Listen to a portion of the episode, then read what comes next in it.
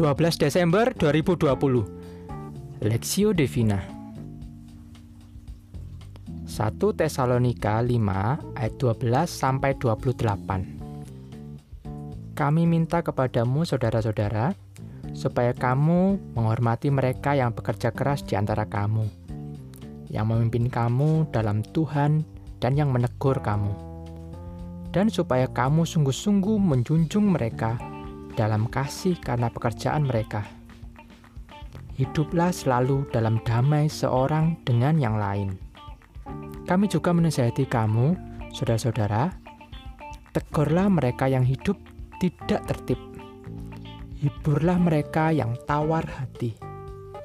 Belalah mereka yang lemah.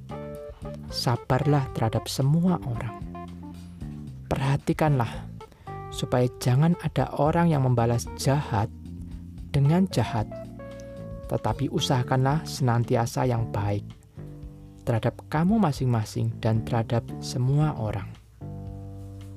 Bersukacitalah senantiasa, tetaplah berdoa, mengucap syukurlah dalam segala hal, sebab itulah yang dikendaki Allah di dalam Kristus Yesus bagi kamu. Janganlah padamkan roh, dan janganlah anggap rendah nubuat-nubuat. Ujilah segala sesuatu, dan peganglah yang baik. Jauhkanlah dirimu dari segala jenis kejahatan. Semoga Allah damai sejahtera menguduskan kamu seluruhnya dan semua roh, jiwa, dan tubuhmu terpelihara sempurna dengan tak bercacat pada kedatangan Yesus Kristus, Tuhan kita. Ia yang memanggil kamu adalah setia.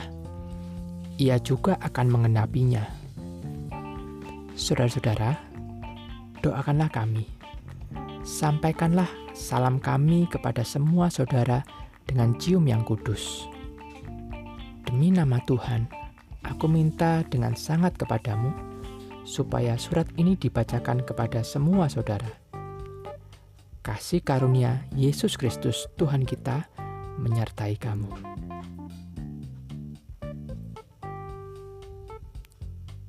Perilaku etis jemaat Kristus Perspektif Jauhkanlah dirimu dari segala jenis kejahatan 1 Tesalonika 5 ayat 22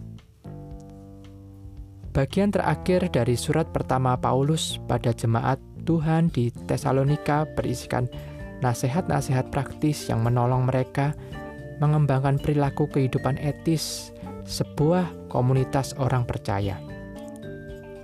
Nasihat-nasihat itu antara lain, pertama, menghargai pemimpin rohani khususnya yang telah bekerja keras dalam pelayanan dan memimpin jemaat dalam iman dan pengharapan di dalam Tuhan Yesus. Paulus menasihatkan agar kepada mereka diberikan penghormatan dan penghargaan yang disertai dengan hidup damai antara yang satu dengan yang lain. Kedua, menegur dan membimbing mereka yang tidak tertib dalam hidupnya menghibur mereka yang tawar hati karena kesesakan hidup. Bahkan Paulus mendorong mereka untuk tidak membalas kejahatan dengan kejahatan, melainkan senantiasa melakukan yang baik terhadap semua orang. Ketiga, membangun ketahanan rohani dengan bersukacita senantiasa, di mana tidak membiarkan diri terpuruk dalam kekhawatiran melainkan meletakkan pengharapan di dalam Tuhan dan tetap berdoa dan mengucap syukur dalam segala hal. Sebab itulah yang dikendaki Allah dalam Yesus Kristus Tuhan kita. Keempat, bersemangat dan tetap waspada, baik dalam berhadapan dengan ajaran sesat maupun segala kejahatan. Sebab kita adalah anak-anak terang, yang telah ditebus menjadi milik Tuhan. Bagaimana kehidupan kita pada masa kini sebagai komunitas jemaat Tuhan? Apakah nasihat-nasihat praktis ini telah kita kerjakan? merespon firman Tuhan ini, marilah kita membangun perilaku etis komunitas orang percaya yang dibangun sesuai dengan tuntunan firman Tuhan, agar kehidupan kita sebagai anak-anak terang semakin nyata memancarkan kebaikan dan kasih Tuhan. Kiranya melalui kehidupan kita, banyak orang melihat terang kasih Tuhan dan kita dipakai Tuhan untuk membawa mereka dalam keselamatan di dalam Dia. Jangan putus asa. Bekerja samalah dan saling membangun antara satu dengan lainnya. Amin. Studi pribadi. Bagaimana perilaku etis komunitas orang percaya yang diharapkan Paulus dari jemaat di Tesalonika?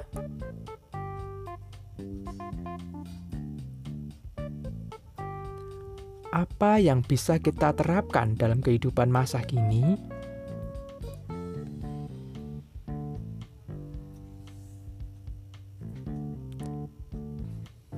Pokok doa, berdoalah bagi jemaat Tuhan agar mereka memiliki perilaku etis yang penuh kasih dan kebenaran, serta saling membangun sebagai saudara seiman, dan dengan tulus menghargai para pemimpin rohani.